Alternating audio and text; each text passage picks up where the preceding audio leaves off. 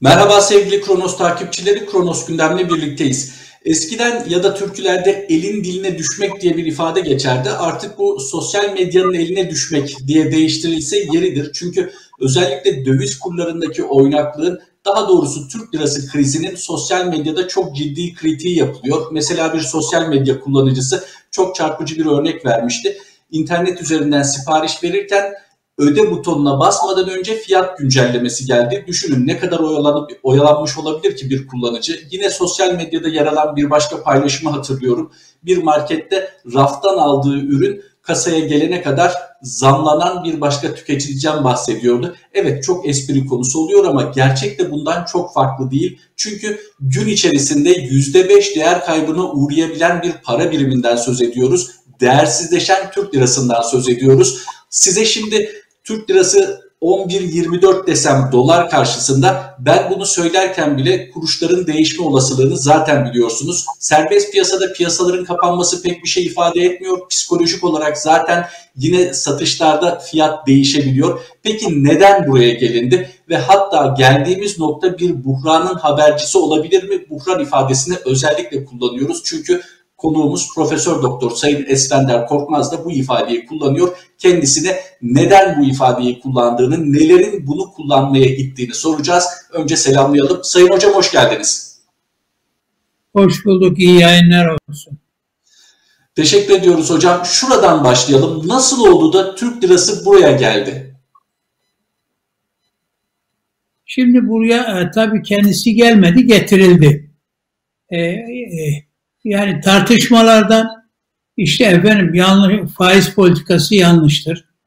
Ee, işte kur politikası yanlıştır. Bence bunları biz boşuna tartışıyoruz. Çünkü e, yani kurların artırılması bir tercihtir.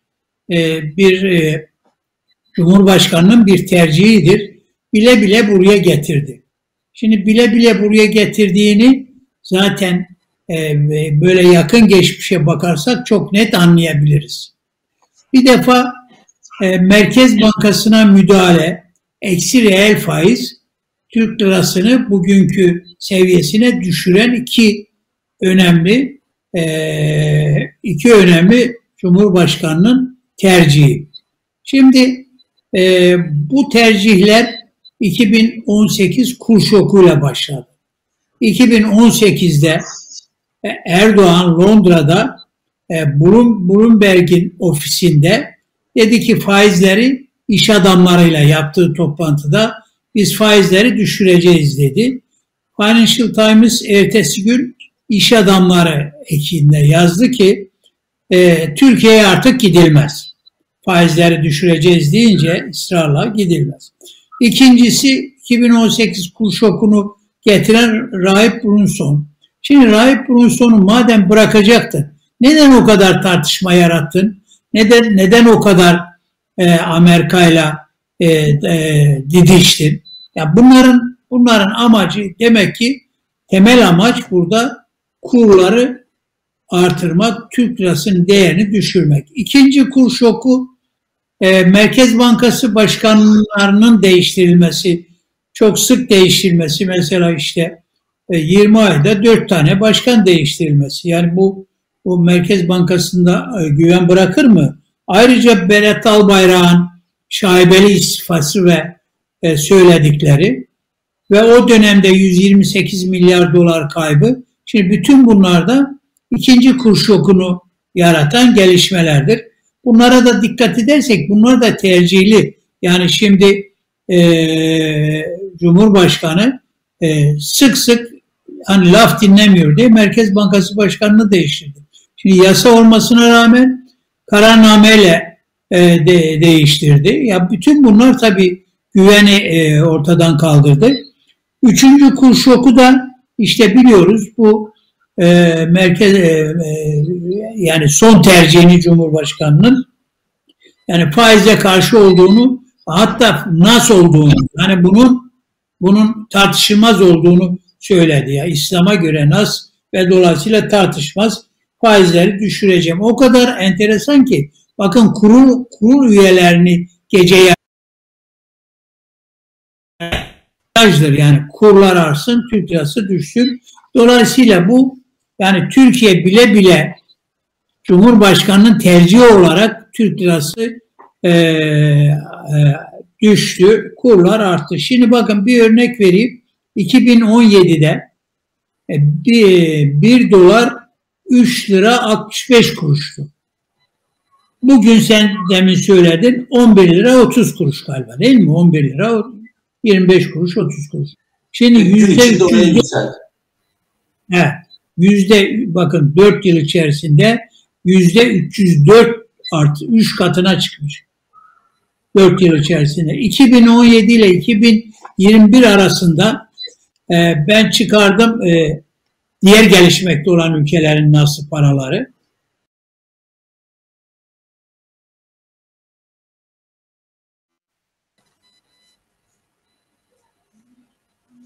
bir arasında yüzde 82.6 değer kaybetmiş. İkinci sırada Türkiye geliyor. Üçüncü sırada Brezilya yüzde 41. Yani Türkiye Arjantin'le e, e, hani ikiz e, diyorlar ya kriz ikizleri adeta kriz ikisi olan, ikizi olarak gidiyor. E, yani kurun geldiği yer burası. Türk Sizin yer. göre Türk lirası buraya gelmedi. Sayın Cumhurbaşkanı'nın bilinçli tercihiyle buraya evet. getirildi. Konuşmanız esnasında evet. güven vurgusu yaptınız. Bunun tabii iç piyasaya bakan yönü var. Fakat Türk lirasının ya da herhangi bir para biriminin dünyada özellikle değişim birimi olarak kullanılan dolar karşısındaki durumu malum uluslararası aktörlerin de güven duygusunu çok etkiliyor. Buradan baktığımızda evet. Türkiye'nin sıcak paraya belki de tüm ülkelerden daha çok ihtiyacı var şu an bulunduğu koşullardan dolayı. Peki Türk lirasının dolar karşısındaki mevcut durumu uluslararası aktörlerin güvenini nasıl etkileyecek? Şimdi tabii e, o zaten görünüyor. Yani bir defa Türk lirasına güven olmadığı uluslararası sermaye hareketleri hareketlerinde hareketlerine bakarsak çok net görüyor, görüyoruz. Mesela Çin'den sermaye çıkışı var. Çin diyor ki ben diyor kendi sermaye birikimi yaptım. Kendim yatırım yapacağım diyor. Çin'den önemli ölçüde sermaye çıkışı var. Ama mesela nereye gidiyor? Hindistan'a, Bangladeş'e. Türkiye'ye doğrudan yatırım, yabancı yatırım sermayesi gelmiyor. E, mevcut yabancı yatırım sermayesi de çıkıyor. E şimdi faizler bu kadar düştükten sonra e, şey de yani sıcak para da gelmiyor. E, dolayısıyla zaten e, güven olmadığı için yabancı yatırım sermayesi gelmiyor. Ya Bangladeş'e gidiyor, Türkiye'ye gelmiyor. Yani bu bu bile yeter. Ondan sonra şimdi Merkez Bankası 2016'dan beri enflasyon hedeflemesi uyguladı. Hiçbir sene tutturamadı. Bak biliyorsun evet şimdi enflasyon hedeflemesi bir Merkez Bankası'nın namusudur. Neden namusu? Çünkü tek bir hedefe odaklanır enflasyon hedefi. Yani diğer politikalar, faiz politikası, para politikası, diğer politikalar, kur politikası bunlarda bir şaşırma olursa, bir e, sapma olursa kimse o Merkez Bankası'nı e, suçlayamaz. Çünkü onun hedefi, tek hedef var enflasyon hedeflemesi. Buna rağmen enflasyon hedeflemesi 2006'dan beri tutmadı. E bu yalnızca yerli değil, e, dışarıda da Merkez Bankası'na olan güven kaybını ortaya çıkardı. Şimdi güven kaybını ortaya çıkaran önemli sonuçlardan birisi de demokrasi. Bakın Freedom House Özgürlükler Evi daha 2021 raporunda Türkiye si siyasal haklarda 40 üzerinden 16 verdi Türkiye'ye. Sivil özgürlüklerde 60 üzerinden 16 verdi. 2017'den sonra zaten Türkiye özgür olmayan ülkeler statüsüne geçti. 2017'ye kadar kısmen özgür ülke statüsündeydi. O kadar ki 1980 darbesi oldu. Yine Türkiye 80 darbesinde özgür olmayan statüye geç, geçmedi. Ama 2017'de başkanlık sistemiyle geçti. Şimdi Dünya Adalet Projesi'ne bakın. Hukukun Üstünlüğü Endeksinde Türkiye 2020 139 ülke içerisinde 117. Ve de, denetimde de son sıralarda hani hükümetin denetiminde de son sıralarda. Şimdi yani dünya bunlara bakıyor, bu endekslere bakıyor dünya. Yani bu endeksler böyle olduğu sürece demokrasi, efendim adalet, e, hukukun üstünlüğü, güven unsurları bunlar. E, bunlar da Türkiye son sıralara düşünce nasıl güven duyar? Sonra bakın şimdi e, yani Türkiye'de açık bir şey yaşıyoruz. Ya şimdi e, muarız olduğu, muarız olduklarına bugünkü siyasi iktidar denetim gö- gönderiyor değil mi? Hürriyette yaşamadık mı Aydın Doğan zamanında? Her gün de müfettiş gidiyor, vergi müfettiş. E şimdi canı istediği şirkete kayyum atıyor. Canı istediğini bilmem ne ilan ediyor, kayyum atıyor. E şimdi yani tarafsız yargı yok. Yani Türk şimdi kim gelir? Hangi yabancı yatırım sermayesi gelir? Yerli ve yabancı sermaye nasıl güven duyar? Ve nihayet Avrupa Birliği Türkiye için çıpaydı. Avrupa Birliği ile kavga yaptı. Ve dolayısıyla o çıpayı da kay, kaybetti. Şimdi Türkiye güven meselesinde çok gerilere düştü. Bakın o kadar ki bir, bir örnek vereyim. Acı. Acı bir örnek. Ben, ben bir vatansever olarak çok üzülüyorum. Mesela Doğu Avrupa ve Orta Asya kategorisinde hukukun üstünlüğünde Türkiye son sırada. Anlatabildim mi? Bakın Gürcistan, Kosova, Kuzey Makedonya, Kazakistan, Bosna, Hersek, Moldova, Ukrayna, Sırbistan, Arnavutluk, Özbekistan, Belarus, Kırgızistan, Rusya bizden daha iyi durumda ya. E şimdi bu ama yani vatandaş olarak bize dokunuyor. Yani e, bir vatansever olarak insanlara dokunuyor. E nasıl yabancı güven duyar?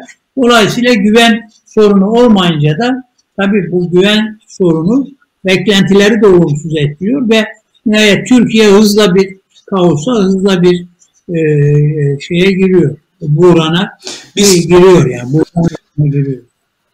Biz psikolojik etkiyi sorduk ama siz zaten somut verilerle özellikle uluslararası derecelendirme kuruluşlarının gerek mali, ekonomik gerekse demokratik kıstaslar açısından derecelendirme kuruluşlarının ortaya koyduğu somut verilerle bu güven probleminin nasıl ortaya çıktığını siz de belirttiniz. Burada hiçbir yere gönderme yapmadan şunu söyleyeyim. Ben e, ekonomist değilim hocam ama sizin gibi uzmanların senelerdir yazıp çizdiğinden ve güncel gelişmelerden şunu biliyoruz.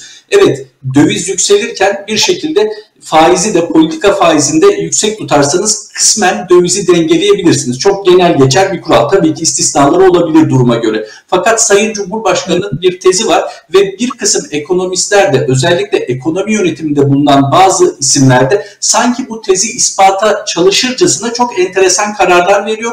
Nitekim Merkez Bankası'nın son para politikası kurulu kararı da bunu doğrular mahiyette bir sürpriz mi var hocam? Yani bizim bilmediğimiz hani sıradan vatandaş olarak benim bilmediğim ama siz uzmanların anlayabildiği farklı bir politika mı izleniyor? Neden bu kadar açık bir hakikatin tersi yapılıyor? Evet şimdi senin sorunda iki iki e, alt soru var. Birisi faiz kur enflasyon arasındaki ilişki. Birisi de neden böyle kur artışı istiyor bu, bu bugünkü siyasi iktidar ya Cumhurbaşkanı. Bunlara ayrı ayrı mı cevap vereyim? İkisine birden mi cevap Lütfen buyurun hocam. İşte, buyurun. Bir arada. Faiz kur enflasyon konusunda bir açıklık getirelim. E, çünkü söylediğin gibi yani savunanlar var. E, yani e, enflasyon sonuçtur diye başta Cumhurbaşkanı savunuyor. Bakın e, e, bütün milletvekilleri de alkışlıyor. E, bir tek dikkat ederseniz e, grupta Lütfen yalnızca Bakan açıklama. Çünkü yani adam görüyor gerçeği görüyor. Şimdi bakın eksi reel faiz yani Cumhurbaşkanı istediği eksi reel faiz aslında enflasyonu düşürmez artırır. Neden artırır? Çünkü e, tüketim artar. Yani para Türk lirası cep yakar. Herkes Türk lirası artar. Harcamanın fırsat maliyeti düşük olur. Yani adam faiz getiriyor ki eğer faiz, reel faiz getirisi olursa cebindeki Türk lirası yamak istemez değil mi? Ama yoksa harcar, elinden çıkarmak ister. Çünkü cebinde eriyor para enflasyon tarafına. O zaman aslında enflasyonu artırır. Şimdi enflasyonu e, öte yandan eksi reel faiz yani yatırımları artırması lazım. Ekonomiyi canlandırması lazım. Ama yatırımlar da artmıyor. Neden? E, çünkü bir kredi faizleri düşüyor. Şimdi bakın e, yani faizlere bakın %15'e düşürdü ama o kredi faizleri o kadar düşmedi. İkincisi Yani yatırım yapmak lazım. Yani şimdi eksi reel faizin amacı yatırımları artırmak değil mi? Ucuz kredi alır, yatırım yapar. Ama kim kim yatırım yapıyor? Demin söyledik güven yok ki. Ne yerli yatırım yapıyor ne de yabancı. O zaman de, demek ki hocam bu noktada hemen evet. ekleyelim. Dediğiniz gibi aynı oranda olmamakla birlikte daha sonra kamu bankaları kredi faizlerinde belli bir indirime gitti. Onu belirtelim ama dediğiniz gibi kesinlikle e, para politikası kurulunun politika faizinde uyguladığı oranda değil. Ama haklısın. Yani varsayalım ki düştü. Ama kim yatırım yapacak? Ya demin söyledik yani güven yok. Yani e, şimdi adam ya bir, bir defa ya bak ben özel sektörün içindeyim. Bir grubun yönetim kurulu başkanıyım. Yani büyük bir grup. Ya şimdi sen devletle iş yapamazsın. Yaptıramazsın bürokraside. Yani bir imar planı geçirmen 5 yıl sürer, 3 yıl sürer. Cumhurbaşkanı ne soruyorlar hepsi. Anlatabiliyor muyum? Bir yatırım yaparsan öyle bakanlıktan falan izin almak yok. Mutlaka Cumhurbaşkanı'na soruyorlar. Yıllarca bekliyorsun. E yani şimdi Allah aşkına kim yatırım yapar böyle bir ortamda? Diyelim ki faizi e, şeyin e, eksi reel faiz e, yüzde on oldu. Yani enflasyon yüzde yirmi kredi faizini yüzde ona düşür. Şimdi herkesin yatırım yapması ama yapmaz da çünkü söylediğim gibi bir defa büro geçemez. İkincisi yatırımın maliyeti yüksek. Yani yatırım dediği senin fizibilitene bağlı değil ki. Ayrıca e, devletin ne alacağı, yani hangi bakanlığın ne alacağı, döner sermaye mi alacak, nereye alacak bunlar belli değil. Onun için kimse yatırım yapmaz. Fiilen zaten yatırım yok. Ondan sonra şimdi aslında yüksek reel faiz yüksek, yüksek reel faiz de enflasyon yaratır. Şöyle yaratır. Şimdi e, yani maliyetler artar. E, maliyet artışı da enflasyona yansır. Ama şimdi dengeli gitmek lazım. Yani normalde Türkiye'nin risk, riski 3-4 bas puan biliyorsun hani FİDES oranı 400 bas puan dolayında. Yani en az bir 4 reel faiz olacak. Yani 4 yüzdelik bir reel faiz olacak. Riskin yüksek olduğu için bir normal bir faizle vereceksin. Dolayısıyla aslında söylediğim gibi bu faiz tartışması hikaye. Faiz tartışması bahane. Asıl mesele asıl mesele kurları düşürme, kurların e, e, artırmak, kurların art, e, kurları nasıl artırır, Türk lirası nasıl düşer? Asıl sorun o. Bu sorunun ikinci altı vardı. O, o neydi şimdi unuttum.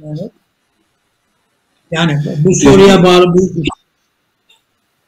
e, tercih olarak hani e, kurların e, yüksel, yüksek tutulması yahut da bu ben hemen onu ekleyeyim hocam o halde o soruyla birlikte malumunuz her dolar yükseldiği zaman ihracatçılarla ilgili pozitif bir takım açıklamalar yapıyor. İşte ihracat rakamlarının yükselmesiyle ilgili. Bu parantez içinde onu da değerlendirir misiniz? Ne kadar gerçekçi bir yaklaşım bu? Görece evet ihracat verilerinde bir artış söz konusu oluyor böyle dönemlerde. Fakat orta uzun vadede bu tercih edilmesi gereken bir durum mudur? Ekonomi yönetiminin bütün açısından.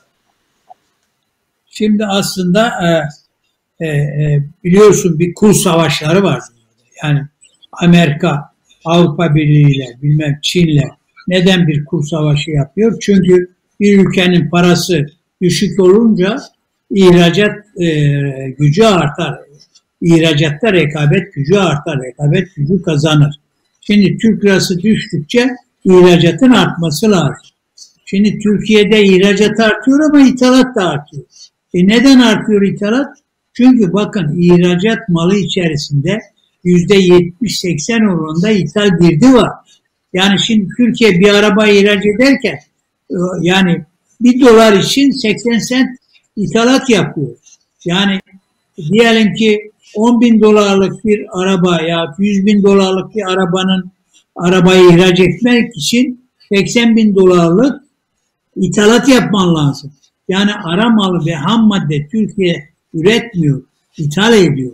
Bu ta 2007'de Türk lirasının aşırı değer kazanmasından üretimin dışa bağımlı olması sonucu çıktı. Oradan gelen dolayısıyla şimdi ihracatın artması lazım ama artmıyor söylediğim gibi e, çünkü ithal girdi yüksek.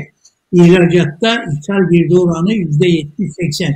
Bunu biz söylemiyoruz. İhracatçılar Meclisi Başkanı söyledi. Şimdi bir. ikincisi e, bunu test edelim. Şimdi senelerdir e, bu dış açıklar düşmüyor. E, Eylül-Ekim'de cari açıkta bir düşme oldu.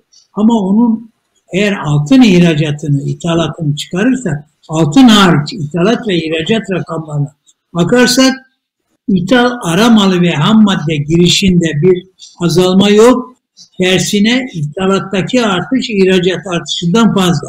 Yani Eylül-Ekim'de cari açığın azalması tamamıyla altın ithalatının onda, bir, onda birine düşme, yüzde doksan düşmesi. Sebebi bu. Bundan sonra tekrar artacak. Yani ithal girdiye bağımlı olduğu sürece Türkiye şeyden kurtulamaz. E, bu dış ticaret açığından kurtulamaz. Bunun için içeride üretmesi lazım.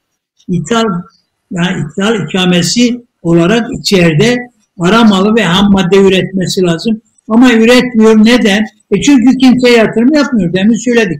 Dönüp dolaşıp güven meselesine geliyor. Yani bu iktidara kimse güvenmiyor.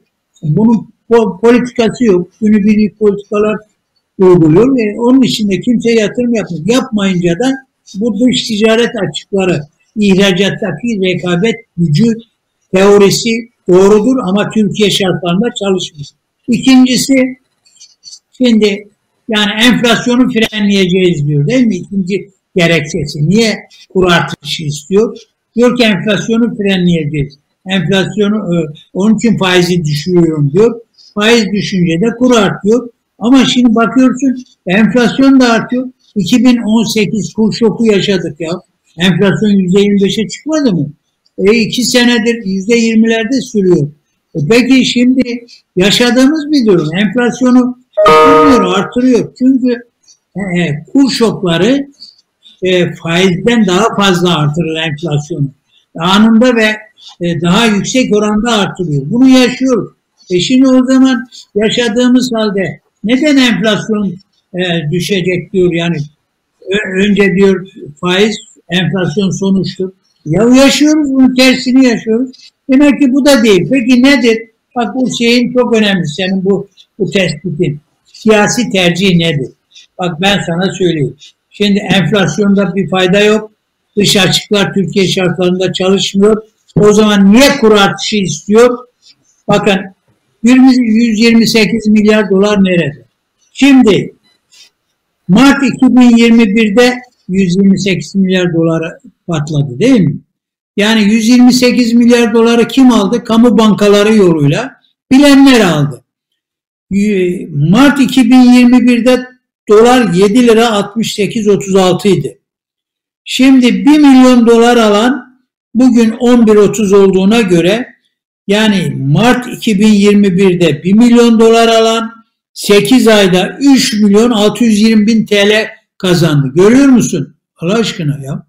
Mehmet görüyor musun? Yani 8 ayda 3 milyon 620 bin TL kazandı. 128 milyar kime gitti? Kime gittiyse onlar kazandı. Bunlar kimdir? Yani bunları siz gazeteci olarak araştırın. Kimdir? Demek ki bak hedeflerden birisi bu. İkincisi şimdi buradan döviz artışından en fazla kim kazanıyor? Kamu özel işbirliği yoluyla yatırım yapanlar kazanıyor. Şimdi kamu özel işbirliği yoluyla hem talep garantisi var hem de kur garantisi var. Yani dolar üzerinden. Ya Türkiye'de kanunlar değişti. Döviz üzerinden ihale yapmak yasak. Türkiye'de kanunlar değişti. Döviz üzerinden efendim işte alışveriş yapmak, döviz üzerinden kira ödemek bunlar hep kalktı. Ama devletin kendisi e, kamu özel işbirliği yoluyla hem yüksek talep garantisi veriyor hem de bunu dolar üzerinden veriyor. E şimdi Allah aşkına yani bunu 3-4 sene içerisinde dolar katladıysa e bundan kim kazandı? Demek ki kamu özel işbirliği yoluyla e, efendim yatırım yapanlar, talep garantisi olanlar, dolar garantisi, döviz garantisi verilenler e, kazandı. Bunlar kimdir? Bunlar kimdir? Yani basın beş müteahhit diyor ama yani bunların özü nedir? Paralar kime gidiyor? Bu artışlar kime gidiyor? Yani bu bence bu kur artışı işin özeti şu. Bu kur artışı tercihli, bilinçli bir artıştır ve bu siyaseti finanse etmek için yapılan bir artış. Özeti bu. Yani bizim iktisatçılar Allah aşkına ya ne tartışıyor? Diyor ki ha bugün şeyde var bir gazetede bilinen, bilinen bir gazetede. Efendim diyor ki işte bu devalüasyon mudur değil midir? Devalüasyon sabit kurda olur. Ulan ne fark eder? Yani ha piyasa artırmış e, kurları ha bir gecede devalüasyonla artmış. Uzun dönemde piyasa artırırsa bunun etkileri sosyalize ediliyor topluma, sosyalize ediliyor. Yani borçlulara, döviz borçlularına sosyalize ediliyor, topluma sosyalize ediliyor. E bir gecede olursa daha etkisi ağır. İkisinin de etkisi değişmez. Ya biz onlarla uğraşıyoruz ya. Ya niye bu kur artıyor kardeşim? Buradan kim kazanıyor? İktisatçının işi bu. Eğer bu memlekete hizmet etmek istiyorsa bunları ortaya çıkaracaksın. Anlatabiliyor muyum? Kur artışını yani bir tahribat yapıyor. Ekonomi bir buhrana gidiyor. Ve buhran neden buhrana gidiyor? Yani beş kişi para kazanacak diye neden ekonomi Türkiye e, dışlanıyor? Buhrana gidiyor. Hocam, Onun için iktisatçının görevi dediğim gibi evet bu. Buhran deyince üstünde durmamız gerekiyor ama ondan önce hatırlatalım 128 milyar dolara vurgu yaptınız. 128 milyar dolar nereye gitti sorusunun cevabı iktidar mensubu bir takım isimlerce bakan düzeyinde de Sayın Cumhurbaşkanı da e, bir takım açıklamalarda bulundu. Hatırlayacaksınız farklı açıklamalar, çelişki açıklamalar geldi. En son yine Adalet ve Kalkınma Partisi'nden bir yönetici bunun pandemi döneminde kullanıldığı tabii ki sağlık giderlerinde ve toplumun finansmanı, acil finansman konularında kullanıldığını belirtti. Ama bu konuda çelişik açıklamalar geldi. Bunu bir kenara koyuyoruz. Hatırda tutmak kaydıyla tabii ki. Bununla birlikte... Dış ticaret, ya dış ticaret verilerinde görünür ya. Böyle şey olur mu ya? Evet ya. Zaten, yani kara zaten bu, Abi zaten burada ısrarla sorgulanan şu, resmi rakamlar açıklandığında, kayıtlar ortaya çıkarıldığında malumunuz hani bu tür talepler geldiğinde ne deniliyor sürekli? Ticari sır yahut da işte e, devlet sırrı artık çok kullanılmıyor. Ticari sır ifadesi daha popüler. Bir türlü kamuoyu tam olarak ayrılıyor bu konuda. Ama bu beş ismi biliyoruz. Kamuoyunda beşli çete olarak da adlandırılan ve çok enteresan bir takım ayrıcalıklar elde eden bir müteahhit grubu var. Sadece beş isim belki kamuoyunda çok biliniyor ama bu daireyi biraz daha genişletmek mümkün. Şimdi bunları alt alta topladığımızda özellikle marketlerdeki etiketlerin günlük artık değiştiğini düşündüğümüzde, zamların o kadar hızlı ilerlediğini düşündüğümüzde sizin buhran ifadenizin daha çok üstünde durmamız gerekiyor. Yeni çağdaki yazılarınızı takip edenler hatırlayacaklar. Sizin özellikle 1929 büyük buhranla göndermeniz var. Ciddi bir benzetmeniz söz konusu. Fakat büyük buhranda Amerika eksenli yaşanan büyük buhranda Kuzey Amerika kıtasında e, çok e, nasıl diyelim makro düzeyde bir problem var. Fakat şu an Türkiye'de Türk lirası Türk lirası krizinden söz ediyoruz. Siz nasıl bir bağlantı kuruyorsunuz ve geleceğe dönük elimizdeki veri seti ne söylüyor size? Evet. Şimdi elbette ki yani Türkiye'de bir e, e, şey olursa, buhran olursa bu dünyayı Amerika gibi etkilemez tabii.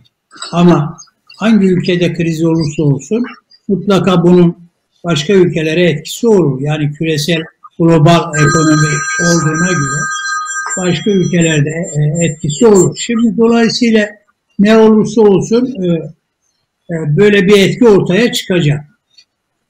Fakat söylediğim gibi yani bu Amerika ile karşılaştırmamın sebebi şu. Yani Amerika'daki olaylara bakıyoruz, Türkiye'deki olaylara bakıyoruz. Hemen hemen bir paralellik görünüyor.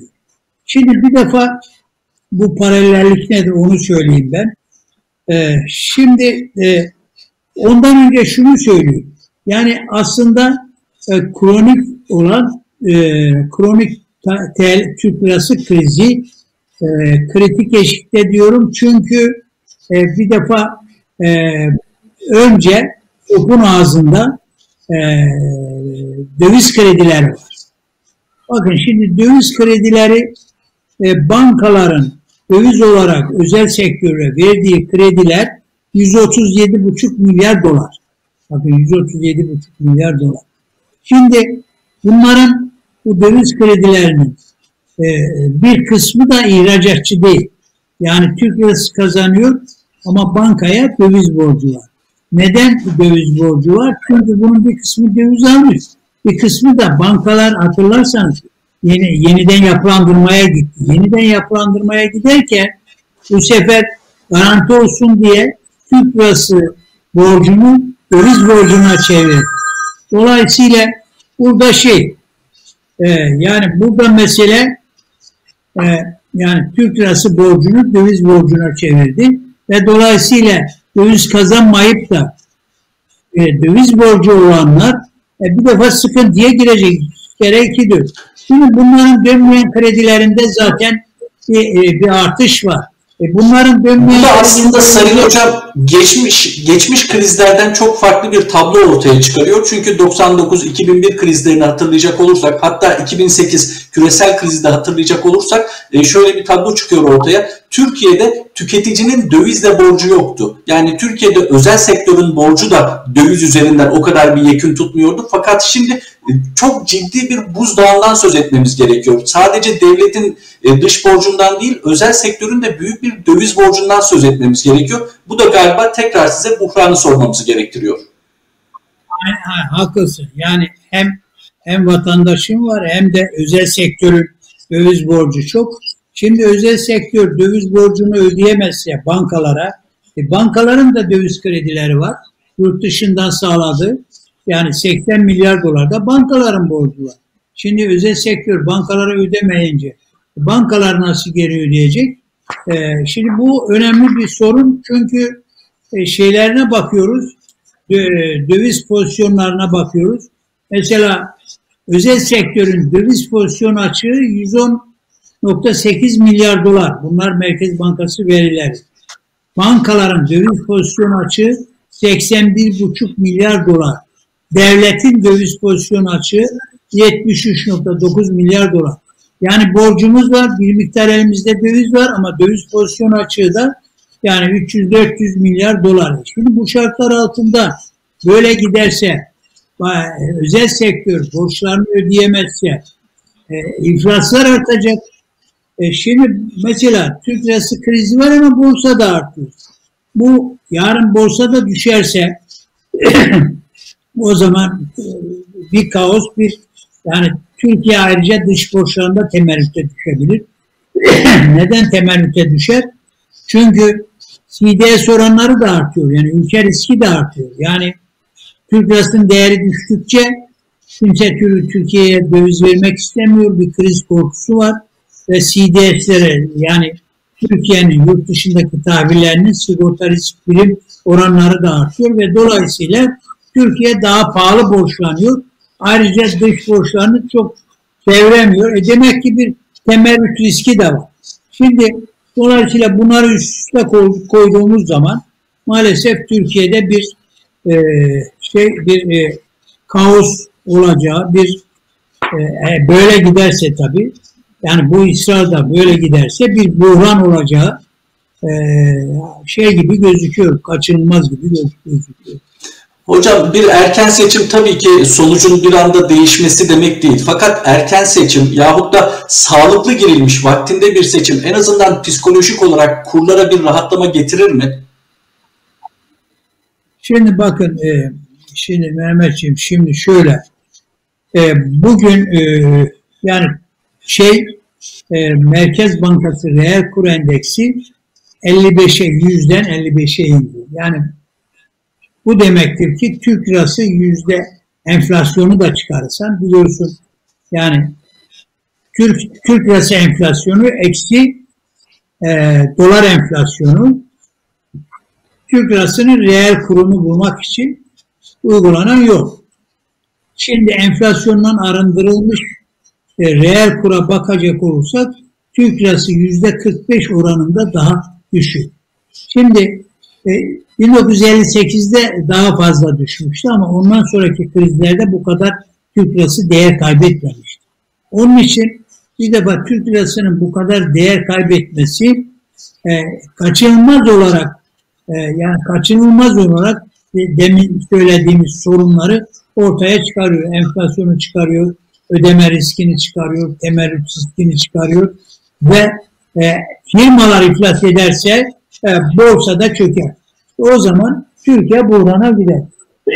Bunun için bu hükümetin yapacağı bir şey var. Tek bir şey. IMF'ye gitmek. Şimdi IMF'ye gitmez. Neden gitmez? Çünkü IMF e, program getirecek, plan getirecek, istikrar programı Denetim getirecek. E, istikrar programı yap derse o zaman kur artışı olmayacak ama bunlar da kur artışına dayanan bir siyaset. Siyasetin finansmanını kur artışıyla yapıyorlar. O zaman demek ki IMF'ye gitmeyecek. O zaman tek alternatif kalıyor Türkiye'nin kurtulması için ön seçim.